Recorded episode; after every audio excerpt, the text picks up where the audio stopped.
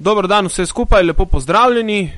Moje ime je Štukl Nec, poslušate pivotiranje oziroma uh, pivotarjenje oddaja, kjer kauč selektori drujemo v košarki. Danes je specialna edicija po dolgem času posneta in sicer oddaja, v kateri imamo kar tri goste. Prva dva gosta sta po dolgem času spet prisotna, Damir Rađenovič in Miha Penko, pozdravljena. Zdravo. Lepo zdrav. Tretji gost sem pa kar sam. Glede na to, da je frekvenca tako zelo mogočna, mislim, da zdaj lahko res sebe začnemo kot goste predstavljati noter, take specialne. In potem se tiho je bilo. Nič, poskušal sem malo samo refleksivno vršiti na to, uh, da nas je zadnje čase izjemno basala disciplina in vse skupaj. Ampak no, hvala Bogu, zdaj smo tukaj. Uh, morda se nam še Gal pridruži, če bo uspel priti iz kolin, kar je pa močno sumljivo. Torej, dajmo se loti dela. S čim začnemo? Miha, imaš kak predlog? Um, lej, kot želite, v bistvu. Ali Aba liga, Euroliga. No, dajmo z Euroligo. Dajmo z Euroligo. eh, Veliko se je v tem času dogajalo, odprta sta eh, dva kola, eh, sta že odigrana za nami, top 16 faze, eh, kjer kaj presenetljivega se je zgodilo. No? Sam si bil tudi v, v areni, kjer si tudi mene potegnil zraven. In še enkrat hvala ti za to, bilo je super. Uh, imamo štiri neporažena moštva po dveh kolih, Real Olimpijakos, CSK in Efes. Crvena zvezda, recimo še kot edini predstavnik ABA lige, ima na kontu dva poraza, v bistvu nekako pričakovano, ker je imela v bistvu zelo težek začetni razpored. Ne? Ja, bo kar držalo, uh, sploh tale druga tekma, domač obračun proti, proti Realu, ni enostavno pričakovati realno, da bo, da bo zveza takšne tekme dobila, čeprav se zdi, da bo vendarle kakšno presenečenje verjetno v domači dvorani uh, uspela narediti, ampak zaenkrat bom rekel, kar se tiče zvezde, uh, mislim, da so oni tempirali formo za, za prvi del, zato da se uvrstijo v ta drugi del Eurolige in da so mogoče malce padli v formi. Rezultatsko se jim v ABA ligi to še ni poznalo. V Euroligi je pa zdaj zgodba drugačna. Tudi ostali klubi gredo tukaj bistveno, bistveno bolj, mislim, da na polno.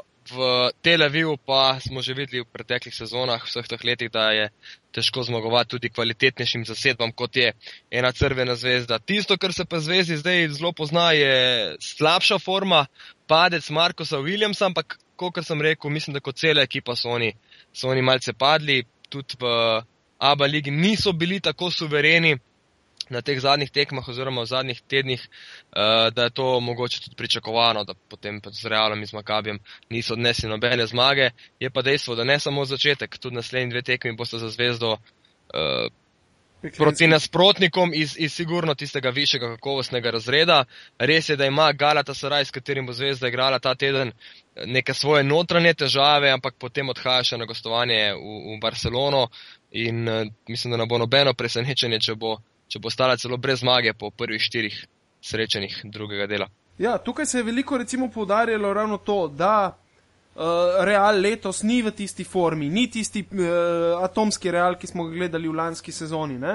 Uh, potem zanimivo je bilo še tukaj, v enem momentu je zgledal že na izhodnih vratih ravno Markus Loter, uh, ki je bil lani ravno strani Pabla Lasa nekako dvigovan kot najboljši defenzivec v njegovem moštvu. Mm. Z njim je igral tudi tisto uh, prescono, uh, z njim kot prvim uh, človekom v coni, ne? Na špici, ja.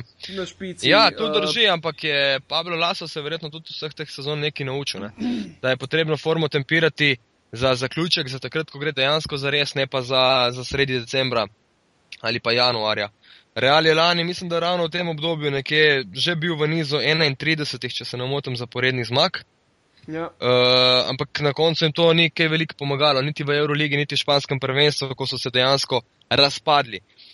Bistveno, oziroma popolnoma drugače pa je stanje pri, pri Barceloni, ker Čavi Pascual non-stop razlaga, da je to šele ogrevanje, da čez to drugo fazo bo Barca tako ali tako prišla in da bo, kot sem prej omenil, potrebno zmagovati eh, v tekmah, ko bo, šlo, ko bo šlo za naslove. In tudi Laso, recimo pri Realu, je sam omenil, da pač lani niso bili vsi zadovoljni, oziroma lani so bili vsi zadovoljni sredi sezone, pa ob koncu ne, letos je pač mogoče se malce pošalil obrno taktiko in da bo mogoče kakšno nezadovoljstvo med sezono pa bo zato toliko bolj veselja na koncu.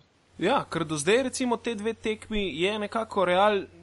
Še niti ne bi sam rekel, da je v nekem usponu forme, da se to vidi, ampak nekako te dve tekmi so dobili čisto na suho kvaliteto. Ne? Ja, Nekako vedeli so, kaj morajo narediti. Ni pa zdaj, da zadeva, bi rekel, spet že zalaufala. Ja, so pa recimo za prvo tekmo proti Zvezdi, prvo se pravi v drugem delu, mogli odreagirati, glede na to, da so imeli, mislim, da štiri poraze Tako. na petih tekmah v domačem prvenstvu. Izgubili so tudi klasiko z Barcelono, mim grede, uh, in je po mojem bila kar dosti pričakovana reakcija. Sam si jih videl od blizu, da rečem, eh, na kakšen način so že pritekli na igrišče, da jih je v bistvu polna dvorana zgolj še malce bolj požgala in da so bili dejansko v, v tekmi z glavo od, od prve minute ogrevane dalje. Uh, Damir, ti si eh, recimo predvidevam, da si si odgledal tudi klasiko med Barcelono in Panathinaikosom ta teden. Ne? Ja, ja, dejansko sem. Uh, jaz bi mogoče samo toliko rekel, kar se tiče top 16.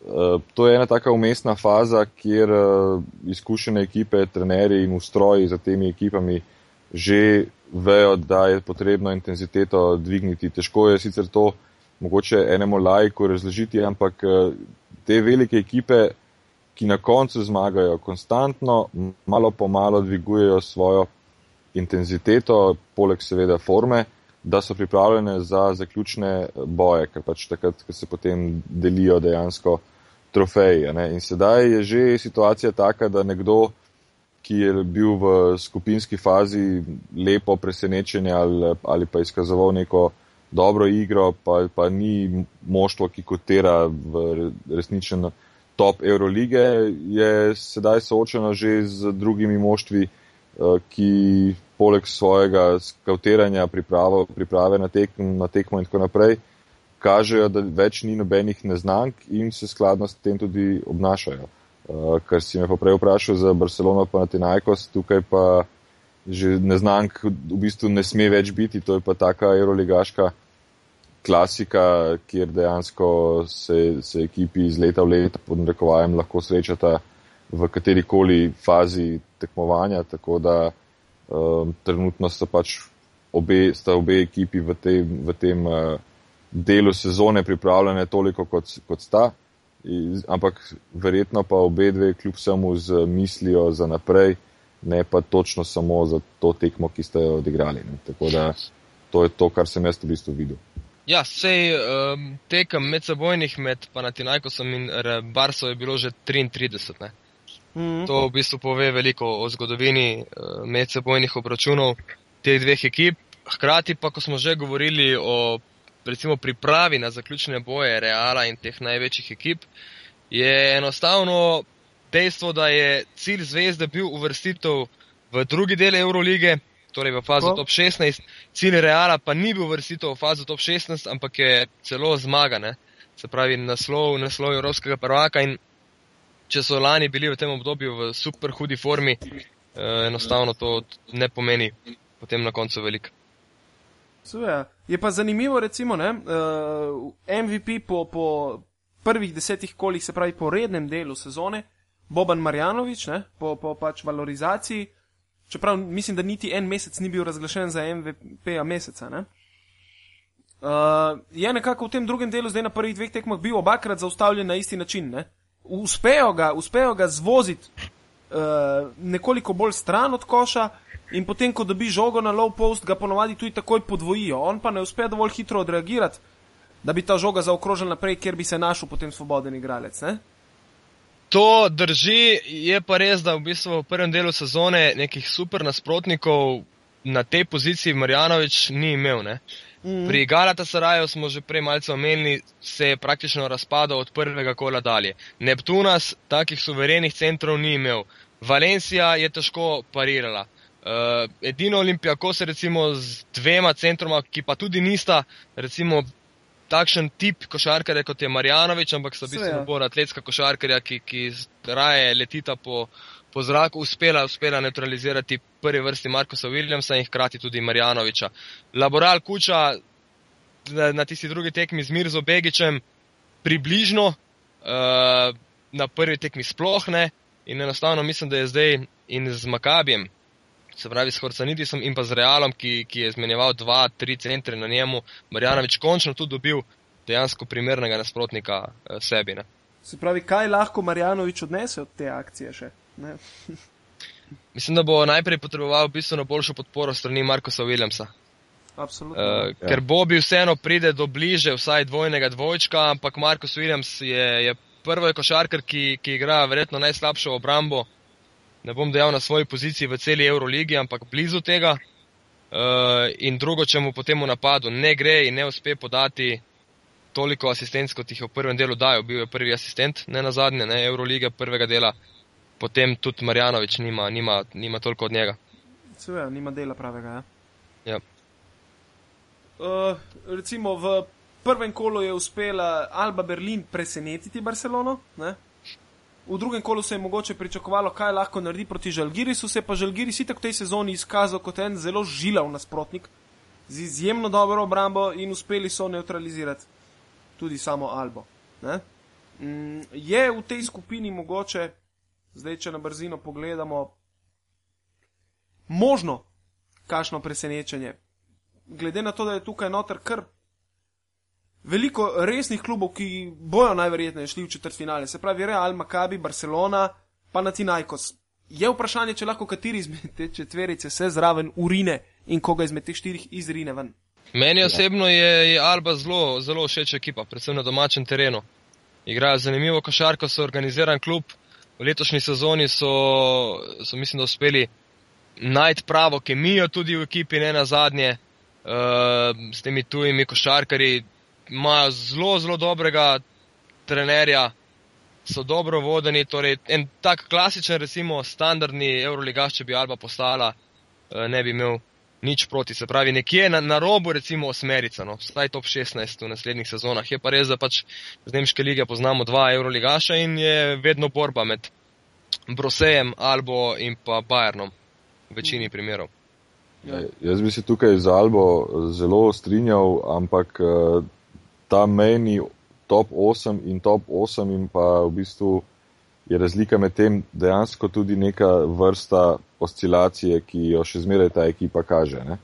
Ker dejansko, eh, če pogledamo, kako se je letos sestavil, sestavil in sestavljal Žalgiris, ki je pač šel v resnično edino možno smer za klube, ki so v dolgovih, ki bomo potem lahko tudi o njih govorili kasneje pri Aba ligi, je to, da so zbrali toliko in toliko domačih fantov, pripeljali enega kvalitetnega tujca in pač tudi dali na, na mesto pomočnika Šarunasa Jasikevičiusa ter dali na teren, pustili na terenu Roberta Sajotokasa, ki s svojimi ogromnimi izkušnjami lahko svojim mlajšim soigralcem pač pomaga.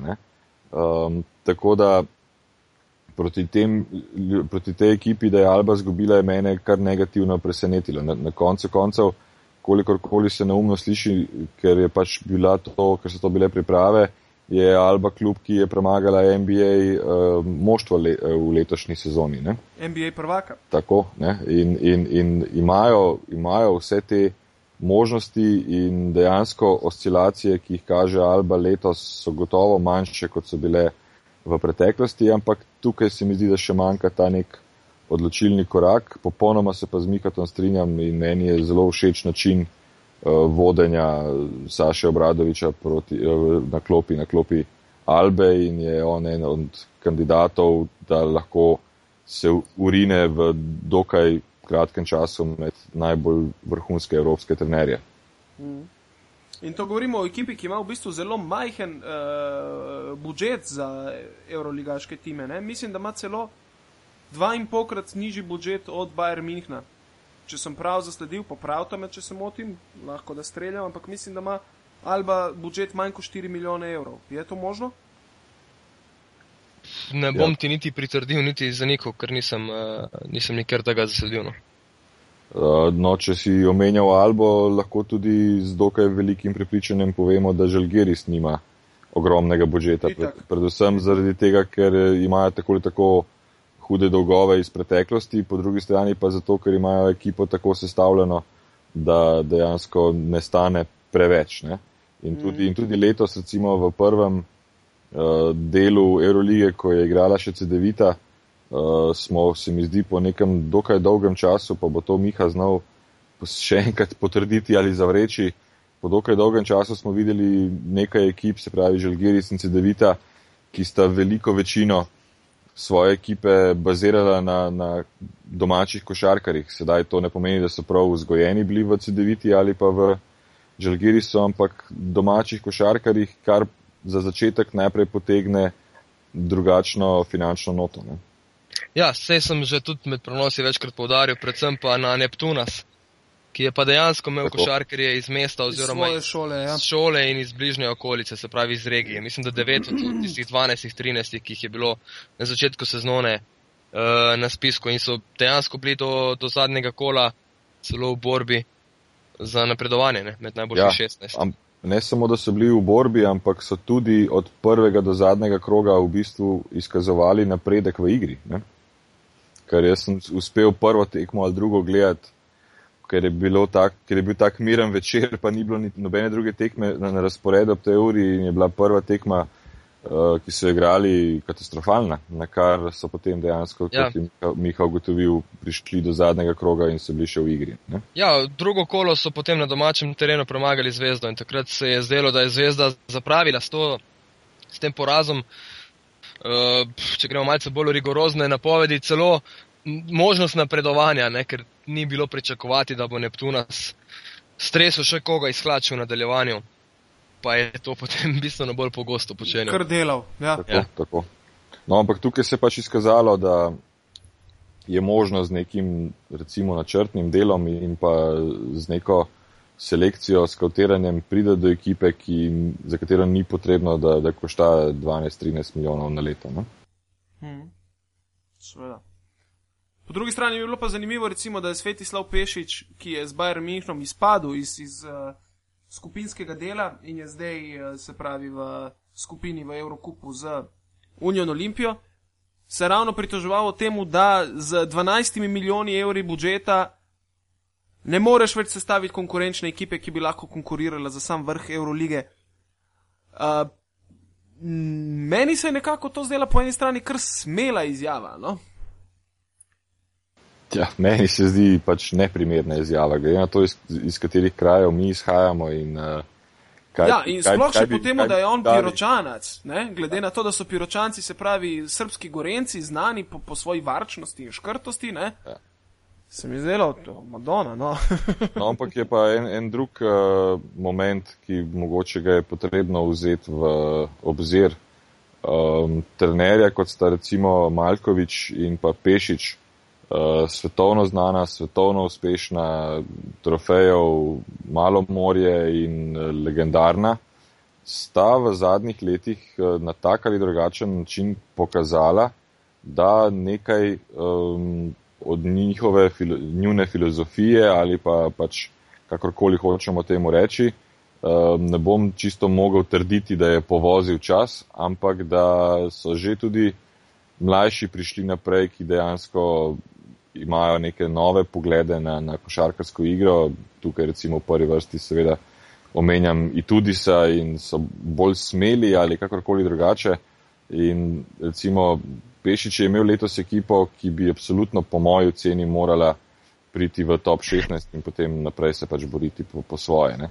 Pa okay, vem, imel je tudi skupino smrti med drugim. Ne? Ja. ja, ampak tukaj Play. bi Damir verjetno izločil Milano. Ne? Ja,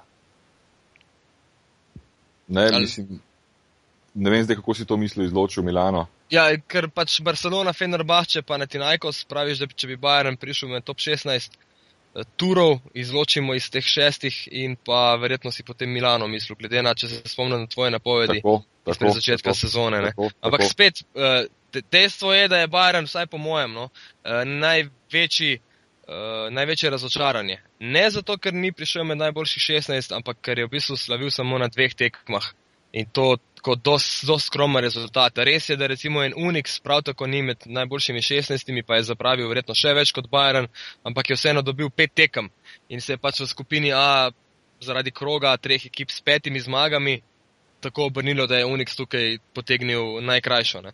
No, sej, uh, Bayern pa v bistvu z dvema zmagama, to je tretji najslabši klub dejansko po rezultatu, se pravi, ja. samo še Sasar in Turov sta za njim. Ne? No, sej, o, o, ravno o tem sem pač govoril, ne, da, da dejansko sem pred sezono od njih pričakoval uh, več in pa tako kot si ti, Miha, pravilno povedal, več sem pričakoval tudi v smislu, da bodo lahko izločili uh, Emporio Armani. Ne. Uh, in to se ni zgodilo in jaz tukaj ne vem, če ne bi mogoče kakšen od vzrokov, uh, če ne bi kakšnega od vzrokov poiskal tudi pri, pri Pešiču. Pa še enkrat, jaz nisem tukaj zdaj postavil teze, da, da, da trenerji, trenerje, ki sem jih prej omenjal, nista legendarna, ker absolutno sta, ampak v nekih zadnjih letih ne kažeta več ali ne vem, bom rekel, poriva ali česarkoli, da bi pač ekipe, ki, ki ste jih imela ali pa prevzela, naredile neke, neke opazne, opazne premike v igri. Je pa zato opazen premik v igri naredil Dimitrisi tudi z CSK Moskvo. Ne? Je uh, nekako v tekmi prvega kroga, no, kjer so še lepo podaljšku premagali uh, Fenerbahče. Je to bila v bistvu prva tekma, kjer jim je resno zagustilo v Euroligi? Ne? Ja, jaz imam, imam, imam pri CSK-ju trenutno samo eno povezavo in sicer osebno, pač kar sem se pogovarjal s komorkoli, ki se na, na košarko spozna veliko bolje, kot se spoznam jaz. Uh, Miloš Teodosič je ekstremno kompliciran tip, uh, karakterno. Uh, in uh, on je pač šel skozi nekaj trenerjev v CSK-ju uh, in se mi zdi, da je tudi trenutno našel neko čarobno palčko, s katero ga je prebudil, povezal se z njim na, na katerem koli pač nivoju se trener seveda mora povezati s svojo, recimo temu, veliko zvezdo in uh, na dejansko na ta način tudi klub boljše funkcionira. Jo je pa že poleti našel tudi Saša Đorđević, ne? v srpski reprezentanci v bistvu. Tako je, tako je. No, Saša pač na, na enem svojem uh, nivoju njegove preteklosti, ker kot, kot ti, tudi, tudi, tudi na igrišču zadnjega, zadnje osnovne šole v Ljubljani uh, igralci rečejo za nekoga, lej, če ti bo on rekel, da pet levo, on ve, kaj, zakaj, ker je igral tam, pa tam, pa tam, pa dosego to, pa to, pa to. Ne? Na ta način uh, se mi zdi, da je Saša se najbolj uspel povezati z Milošem. Ne? Uh, tudi v končni fazi sta oba dva igrala na, na istem igralnem položaju. In tudi pa, kot, kot vemo, je, je ekstremno študiozen uh, in je v bistvu moral Teodosič se dokazati z znanjem oziroma poznavanjem igre. In očitno mu je to na nek način v tem štartu sezone pokazal, Uspelo, do, ja. pokazal, dokazal in je pač. Uh, ti moraš vedno, ne samo Teodosič, to, to, to je pravilo v, v košarki ja, nasplošno, ti moraš neko uh, nominalno glavno zvezdo vedno pridobiti, da, da kupi, kar ti kot trener prodajaš. Če ti to uspe, ima ekipa boljše rezultate. Če pa tukaj ne uspe, imaš pa lahko težave. Ne? In to mislim, da je tudi su do sedaj v bistvu uspelo. Pa še na eno stvar eh, se moramo spomniti in sicer, da so že lani pri CSK-ju kot konkurenco na pozicijo ena pripeljali Jeremija Parga, ki pa se je zaradi nestabilne minutaže dost, dost hitro um, vrgel v mačka in enostavno ni več potem dihal z ekipo, vse mu je bilo odveč, po nekaj mesecih je že govoril, da bo iz Moskve odšel. Tukaj pa je Nando Dekolo se mi zdi našel uh, oziroma izkoristi tudi tiste poškodbe Teodosiča in pokazal, da mogoče je lahko neka, neka do zdrava konkurenca Teodosiču in mislim, da sta oba dva potem zaradi tega tudi zrasla. Ob tem, ko je Aaron Jackson krpa enega in drugega, takrat, ko si trener to, to najbolj želi in da, da so uspeli najti dovolj minutaže za, za praktično vse tri uh, playmakerje pri CSK-ju, se mi zdi ključen, ključen moment v, v tej ekipi. Seveda, mm. s tem, da je Aaron Jackson, uh, Miha, to boš ti absolutno znal najbolje povedati. Aaron Jackson, od dneva, ko je prišel v CSK in do danes, sta to dva različna igralca. Uh, on je zelo napredoval v tem uh, pogledu. Če se spomniš njegove prve sezone, uh, nobene samozavesti, premalo izkoriščena minutaža, ki mu je bila dana pod mesino in tako naprej. Uh, sedaj pa to igra, uh, je to človek, ki igra na, en, enem drugačnem, predvsem mentalnem nivoju.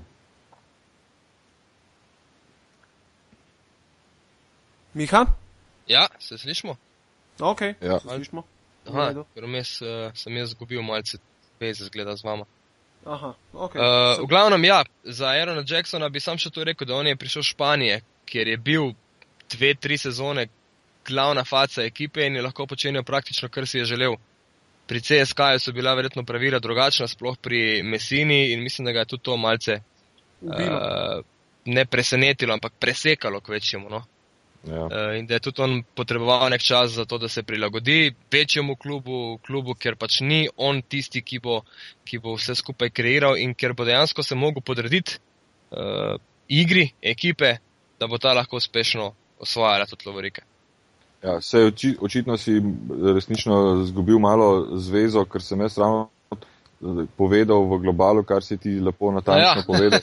Da je, potrebo, da, je, da je potreboval določen čas in da je sedaj se našel v tej vlogi in da Aaron Jackson iz sezone, prve sezone CSK-ju in Aaron Jackson iz te sezone sta dve različni osebi skoraj.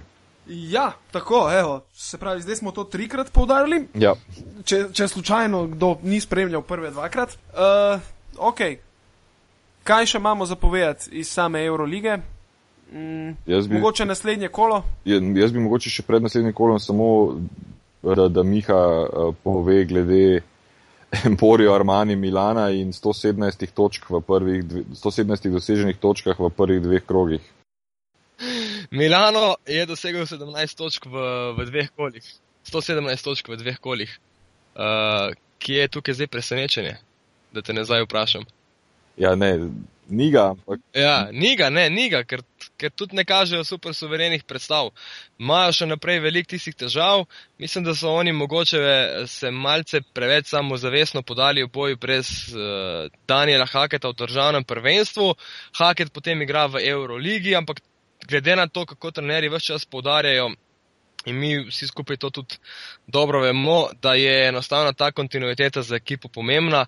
Je, mislim, da tale težava bistveno večja, kot se, kot se sicer zdi v Milanu, ki se kaže sicer potem v, v eni Euroligi. Predvsem pa to, da ni prave kemije. In prvo tekmo proti Nižnemu Novgorodu so košarkari Milana izgubili predvsem zaradi tega, ker je Nižni pokazal eno super povezanost, Milano pa vse prej kot to, no, kot da bi bili nametani na kup. E, mogoče tudi stujci niso zadeli z Maršonom Brooksom, ki je na eni tekmi zadovoljen, na drugi tekmi nezadovoljen.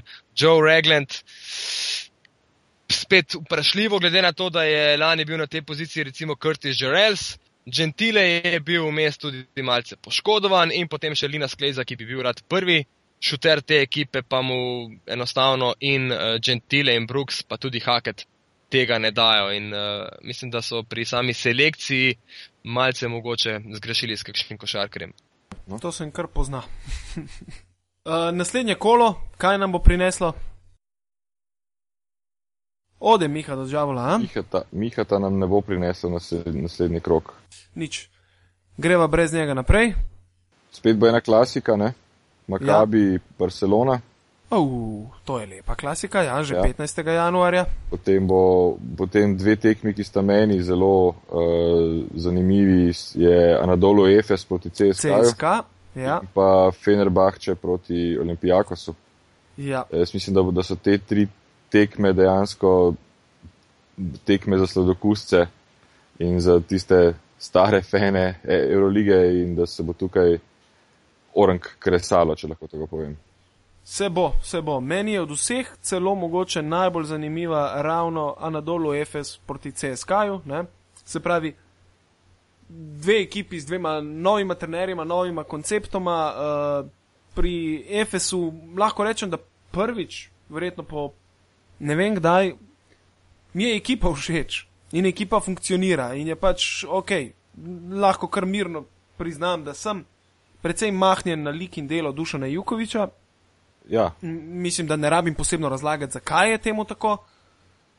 gotovo. Uh, in Jukovič letos dela enkraten posel v, v uh, Istanbulu. Ne? Jaz sem pa mogoče zdaj na stara leta postal bolj mahten na to, um, da se ekstremno talentirane mlade fante poriva naprej.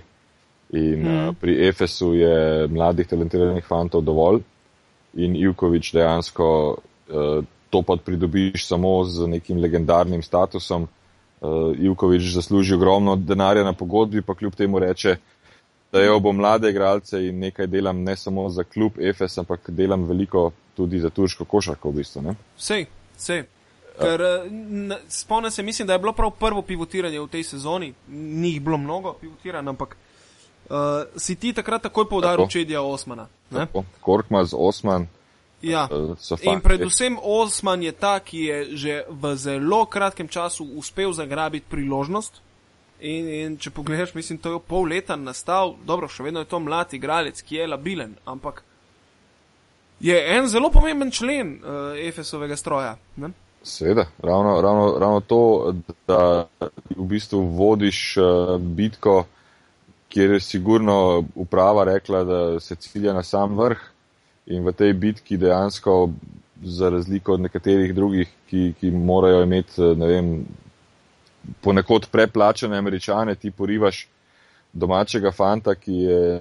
Ki bo na polno 20 let šele. Ja? Tako, uh, 19 let, 20 bo letos, ne, in dejansko v rotacijo dajaš tudi Korkmaza, ki, je, ki bo letos 18 let. Ja. Na tak ali drugačen način. Ne? Uh, potem tudi mogoče malo starejši, pa vendar uh, Kiličli Denis, recimo, ki je popolnoma neznan fant, pa dobiva zdaj minutažo tudi pri Vukoviču. Pomeni, da imaš pač vso suverenost eh, v klubu in da lahko kažeš na vzven tudi možnost razvijanja igralcev med tem, ko loviš rezultat. Ker pri nas eh, je vedno govora o tem, ali ali. ali, ali Jaz pa ja. vedno pravim, da najboljši trenerji počnejo oboje. Hmm. Seveda pomaga, da imaš um, v igri Krstiča pomaga, da ima še enega Darja Šariča, ki kljub vsemu ima ogromno izkušenj, ne glede na to, da je mlad, uh, pa vendar se, se dovolj nasloniš tudi na nek nekatere druge igralce. In recimo to je zadeva, ki je popolnoma različna od Fenerbahčeja, kjer dejansko so, so kupili vse, kar je pač bilo možno za njih kupiti in s temi igralci napadajo isti cilj kot, kot Efes. Vprašanje pa je, ker je pač Obradovič postavljen pred cilj, kaj je cilj letošnje sezone, jasen, to je zmaga, eh, kompletna. Vprašanje, kaj bo pa on prinesel tuški košaki, ko dejansko nimajo v ekipi no, niti enega igralca, ki bi ga ekstremno želeli um, na, naprej poriniti. Mogoče je tu Kenan Sipahi malo v, v spredju, ampak sigurno pa njegova minutaža in eh, razvoj ne gresta tako hitro, kot, kot gresta Osman in, in, in Korkmaz v, v Efesu. Tako da ja, naslednji teden nam definitivno Euroliga prinaša ene par cukrov. Uh, kaj se čva preusmeriti na Aba ligo, še na brzino pogledamo dogajanje tam? Ja, absolutno, se strinjam deva začeti pri zmagi. Ne? Krka je v bistvu zelo suvereno uh, šla skozi Igo Keo, ki pa v zadnjem času le nekoliko dviguje gor formo, odkar jo je prevzel Željko Lukajič, tako zvani struja. Ja. Uh, ampak nekako že v prvem času so po eni strani kar rešili vprašanje zmagovalca, ne? sej neki malega oscilacije še bilo, ampak je krka zelo stabilno. Ja. Odigrala to tekmo, no? Pač rutinersko. Krka ima letos za moje, za moje pojme tudi eno tako čudno, da ne rečem turbulentno sezono v smislu, v rezultatskem smislu. In mm -hmm. jaz sem prišel že do tega zaključka sam zase, da ko, ko prižgem televizijo, da si jo gledam naslednjo tekmo Krke, ne vem, katera Krka bo prišla ven na teren. Um, in, in, in vsakeč, ko pride dobra Krka ven, sem tudi absolutno nad tem uh, navdušen. Ja, več ali manj so v prvem polčasu, ne, ne morem reči, da so rešili tekmo, ker je niso, uh, ker uh, razlika 13 točk v polčasu je solidna. Solidna, ne pozabimo pa stara modrost zmaga Sagadina. Najhuje je, če v polčasu vodiš za to, da ti 15. Ja. Ker nisi prelomil tekme in tekmo gre lahko samo v dve smeri, 2-3 napada, 2-3 obrambe, greš na 22, si končal tekmo ali pa dve, tri slabi obrambi, pa dva, tri slaba napada, pa si tekmo pripeljal na plus tri in je potem dejansko spet tekma. Uh, tako da krka, ki, ta krka, ki se je prikazala, je, je bila dovolj solidna. Uh, Igokeja pa dejansko, ne glede na to, da je prišel Lukajič, uh, pa mislim, da še zmeraj plačuje davek uh, kadrovanja, ki so ga letos uh, imeli. uh, ker dejansko Ja. je bilo kar nekaj pretresov v ekipi konstantno. Ne? Ja, po MZT je v bistvu druga ekipa, ki največ uh, šari Tako, po svojem kadru. Zdaj- ne. zdaj ti v- MZT je absolutni rekorder, Ja. kar se tega tiče. no, ampak zdaj, zdaj pa v tem dejansko je to recept, kako se ne dela in dejansko mora, mora trenerji skozi toliko spremenjenih postav iskati kemijo. Ne moremo, mislim, da smo to v pivotiranju že povdarili veliko krat, pa mogoče bo celo stalnica vsake epizode. Ne morem povdariti dovolj, kaj pomeni kemija v ekipi. Eh, Čeprav je to eh, tako imenovana nedotakljiva stvar, v smislu, da ne moreš dotakniti se ali jo pokazati, ker je to pač nekaj po domače povedano v zraku, ampak ta je tista, ki je kon, v končni fazi prevaga med dobrimi rezultati ali slabimi. Kemija v ekipi, ko pa ti menjaš igralce, je pa absolutno vsakemu dojenčko jasno, da ne moreš ustvarjati ekipe, eh, ekipne kemije v hodu ne, in dejansko to tepe eh, te ekipe in igokeja recimo z petimi zmagami, dvanajstimi porazi. Zdaj, glede na to, kaj se v Levskem dogaja, so rešeni kakršnih koli možnosti, Ja. da izpadajo, ampak po drugi strani pa vseeno, to, tukaj ni več take motivacije in se tekme igrajo. Lahko tudi zato, da se že mogoče loka, pri Lokajiču gradi ekipa za naprej, ker če se ne motim, je podpisal eh, ne samo kratkoročno, ampak dolgoročno pogodbo. Tako, ja. In cilj te do- dolgoročne pogodbe je poleg tega, da se pač rezultat dela z člansko ekipo, popolna prevetritev in na novo postavljanje mladinskih okvirjev in mlajših kategorij okvirjev v, v, pri OK. Um, tako da oni mislim, da so že usmerjeni v novo sezono na nek način. Ne? Mhm. Krka pa spet, jo, jo, jo ne, jaz že toliko časa spremljam košarko, pa ne morem o tem klubu dovolj, bom rekel, edukativno kaj povedati, ker mi popolnoma niso jasni. Začnejo furiozno, potem dejansko imajo slabo serijo, um, ambicija mi ni jasna, v ABA ligi tekmujejo, zdaj so pa že res, eh, lahko že rečemo, skoraj staroseljci, kaj napadajo, kaj bi radi od ABA lige. Um, ne vem, ne vem, mogoče boš ti s kakšnim svojim pogledom ali pa informacijo, ki jo imaš, lahko kaj več povedal. Meni krka pač ni jasna za slovensko košarko, jo potrebujemo, za, za slovenski koeficient jo potrebujemo. Uh, bili so že više, ne samo v ABA ligi, ampak tudi v Evropi. Um, ne vem, tudi ta sezona se mi zdi, da je, da je enostavno ena sezona, na katero bojo dali kljubco in šli potem v novo sezono. To mi je pa za ta klub meni osebno premalo. Ja, jaz se z stališča Krke recimo malo bojim ravno tega, ne? ker je zadeva na avtopilotu in ni nobene panike. Ve se, ok, lahko vmes zgubimo toliko in toliko tekem, vse to ni problematično, lahko se zgubi. Ne? Potem vmes pride Olimpija, jo zmagaš, se pobereš, kar je dobro za Krko. Ne. Uh, in, in enostavno vejo to. Pravi bomo, ko se bo odločalo v končnici državnega prvenstva, ki pa nažalost ne odloča o ničemer, razen pač o tistem pokalu, ki ga postaviš v vitrino. Ne? Ja, In to je to. Uh, in, in ja, itak da je problem ta, ta manjko ambicije, oziroma ne same ambicije. Ambicija po nečemu mogoče je.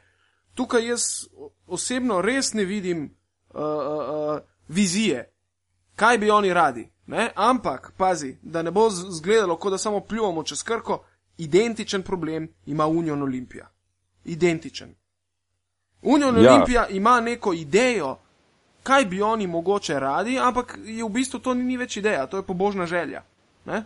ja, Pobožna je želja pogojeno. je sanirati dolg, pobožna želja je uh, uh, uh, priti nazaj v Evropo, se pravi v Euroligo, ampak realno vsi počasi vemo, da je to res pobožna želja. Ne, Eh, ne zgleda pa se, da se neki resno premika v tej smeri. Zdaj, no, ko sem že tukaj vrgel puščico, se lahko usmeriva še na tekmo, uh, ki se je zgodila včeraj v Pionirju med Olimpijo in Partizanom.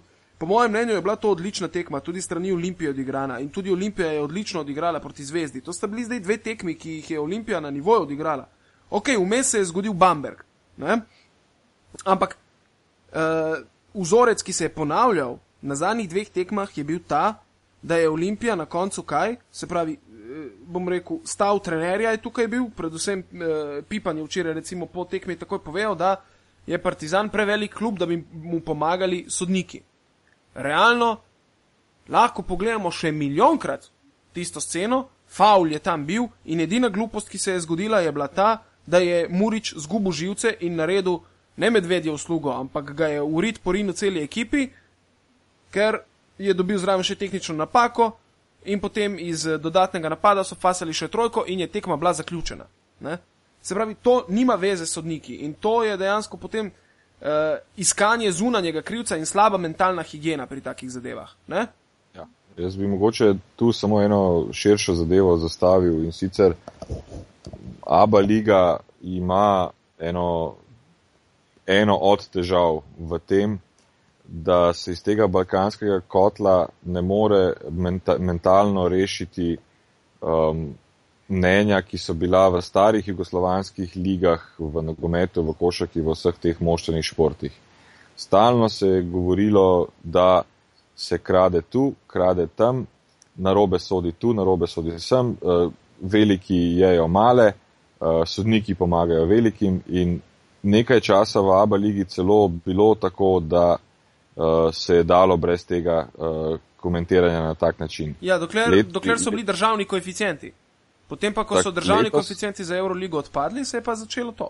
Se je pa začela ja. čaršija in rekla kazala, on je ovo me rođak, ta je onaj, ta je tu, zmeraj sodi do žaj. Tako, letos je pa spet nekako prišlo do, do ene majhne kulminacije tega, kjer je vsaka tekma dejansko uh, zrihtana, da se pomaga temu, onemu, tretjemu, tako kot si ti povedal. Ta hodi zuno, ta, ta je poročen s tisto, sestra tega je tak, sodnika je tam in ne vem kaj. In zdaj smo padli v, v eno kolesje, kjer več niti ne moreš novega kroga napovedati, brez da ne rečeš, aha, tam bo itak te zmagal, te, teli zmagali, zato ker evo, to je zdaj popularno v Srbiji, puštajo partizan, ne, ja. iz pač kjer koli razloga. Klele so proti temu, kle so proti temu, kle, kle sodi ta trojka, bože moj, kle sodi ta trojka, bože moj. Ja. Dejstvo, dejstvo je pa eno drugo sojenje v ABA ligi uh, absolutno ni na dovolj visokem nivoju. To je ena stvar. Druga stvar pa je, sojenje eh, sodniki v ABA ligi, uh, nekaj njih sodi v Euroligi. Nekaj njih je eh, en izmed boljših sodnikov v Euroligi. Tako, ne? in kako, kako za vraga v Evropi so te sodniki dovolj cenjeni in nimajo repov po vsaki tekmi, v tem balkanskem kotlu, dobesedno od Triglava do Vardarja, pa vsako tekmo rep, pa zakaj tako, pa ta ni dobro dosodo, pa ta ni. In jaz recimo že, ko gledam naše sodnike, če se osredotočim na, na, na slovenske, pa to, koliko v ABA ligi popluvajo te sodnike, to je nekaj neverjetnega, pa dva ali tri, štiri so pa v Euroligi čisto normalni. Ne. Se pravi, problem ni v sodnikih, to je moja glavna uh, poteza in teza. Problem ni v sodnikih, problem je v tem, da se klubi s temi sodniki ukvarjajo.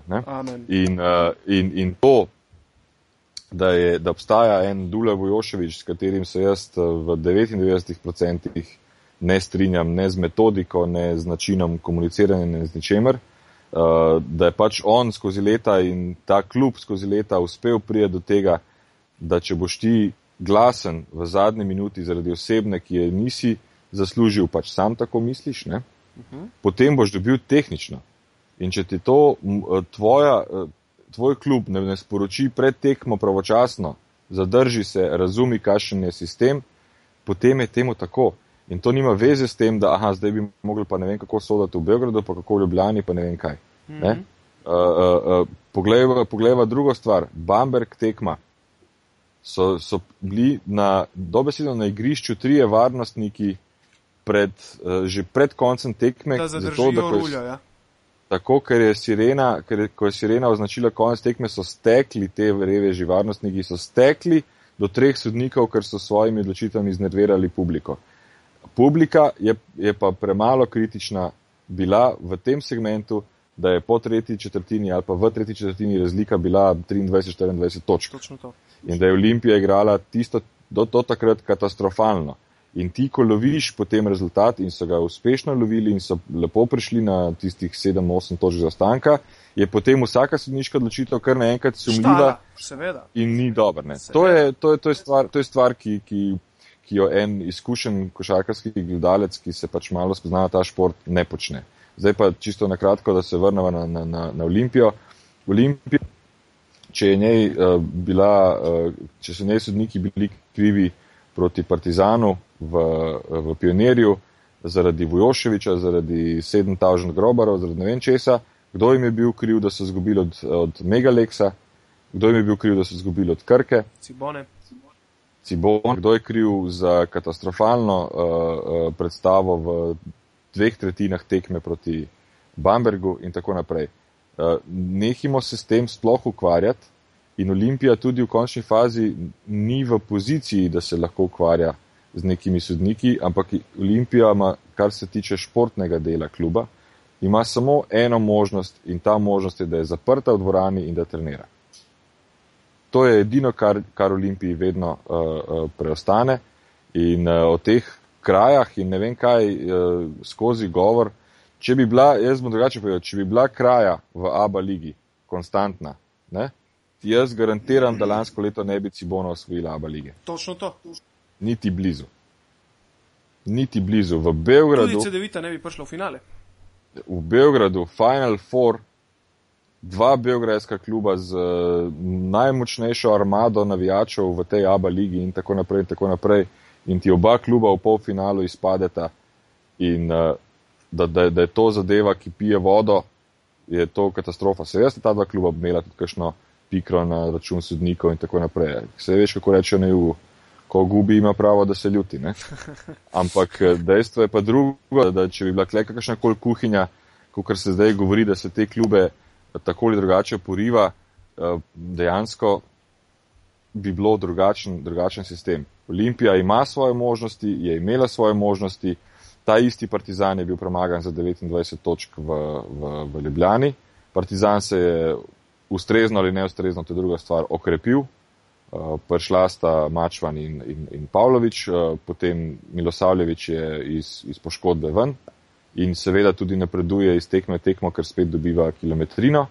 Ta partizan je prišel in je z ekstremno muko premagal Olimpijo, Ja. ampak Olimpija, če se lahko nad, kogo, nad, nad komorkoli pritoži, je z, uh, na, potezi, na, na potezo Dina Muriča na koncu in to je tako. In tukaj nima veze, a je bil sodnik ta ali tisti in uh, kaj kako. To, to ne pije vodo in, in uh, mislim, da so zdaj ogromno časa porabila na, na, na pogovoru o sodnikih, ampak uh, mislim, da, da, da, to, da bi lahko to tudi za najo bilo več ali manj skoraj zadnjič, da toliko časa porabiva razen, ko je, ne vem, iz letala vidno od prve minute, pazi, od prve minute, da sodnik dobesedno krade kjerkoli. Uh, tukaj tega pač ni bilo in uh, ljudje, ki mene poznajo, vejo, da sem na Olimpiji toliko časa bil in toliko Olimpiji želel in dal v svojih mladostnih, mladih letih, da mi nič ne bi bilo absolutno lepšega, kot da Olimpija ponovi in osvoji Jadransko ligo. Ne. Sploh ni tukaj debate, ne. ampak Olimpija je zaradi napak iz preteklosti, za katere sedanja uprava ni kriva, po moji oceni absolutno nič kriva, sedaj v, takem, uh, v taki situaciji, kot je. Morajo sanirati dolgove, morajo uh, delati naprej in poskušati uh, nakup, da zmetati ekipe, ki bodo ujele neko kemijo in naredile nek rezultat v ABA ligi in iz tam naprej štartati v, v boljše čase. Kako jim bo to uspelo? Um, vso pomoč jim bomo dali tudi tisti, ki lahko pomagamo na tak ali drugačen način in podporo bo imeli, ampak podpore pa ne morejo imeti tam, kjer nimajo prav. Pipan je dejansko trener, ki ga to tudi mislim, da boš ti lahko potrdil najbolj dokumentirano. Jaz ga bolj branim, kot ga branite vi ostali fanti iz pivotiranja. Jaz ga ne branim že celo to sezono. No, vidiš, jaz ga skozi branim, ker je, ker, je, ker je bil in je imel neke svoje stvari, ki so bile meni uh, všeč na njemu. Uh, ampak dejstvo pa je, da na tej tekmi uh, dejansko Olimpija ni izgubila zaradi sodnikov, ampak zaradi pač ene neumnosti, vročekrnosti pač enega igralca na koncu. Uh, mislim pa, da je škoda to, da se še enkrat ne povdari tudi strani trenerja to, kar si ti povedal, da je Olimpija zadnje zadnji dve tekmi proti Zvezdi in Partizanu odigrala zelo, zelo korektno in da se, da se, lahko, da se lahko iz tega tudi notranja kemija ekipe samo izboljšuje in da lahko gledamo optimistično naprej. Um, ne pa, da se zdaj ukvarjamo s tem, ali je tam nekdo stopil na črto in ali je nekdo naredil eno osebno napako ali ne. ne? Ker ti si rekel, da je osebna napaka bila, jaz pa pravim, da tudi če, ne bi bila, ne, če ni bila, ne moreš tako reagirati in pričakovati, da boš brez posledic odnesel. Kar se tega tiče, lej, mislim, da smo dovolj dolgo analizo sodnikov in, in, in predvsem reakcij na sodnikove odločitve naredili. Uh, kar se tiče krke, ja, smo jo na hitro odpikali, ampak nažalost, ne nažalost, hvala Bogu, krka ni imela nobenega ekscesa, da bi se morali z njim ukvarjati. Uh, tako da mislim, da lahko počasi tudi pripeljava današnje pivotiranje k koncu in za naslednjič upamo, da se čim prej dobimo. Tud, tudi jaz in tudi, kot so videla nekatere reakcije, tudi še kdo drug. Tako, tako, ja. Nič. To je bilo za eh, prvo oddajo v letošnjem letu ogrevanje, naslednjič pa najverjetneje čez 14 dni. Uživajte. Adijo.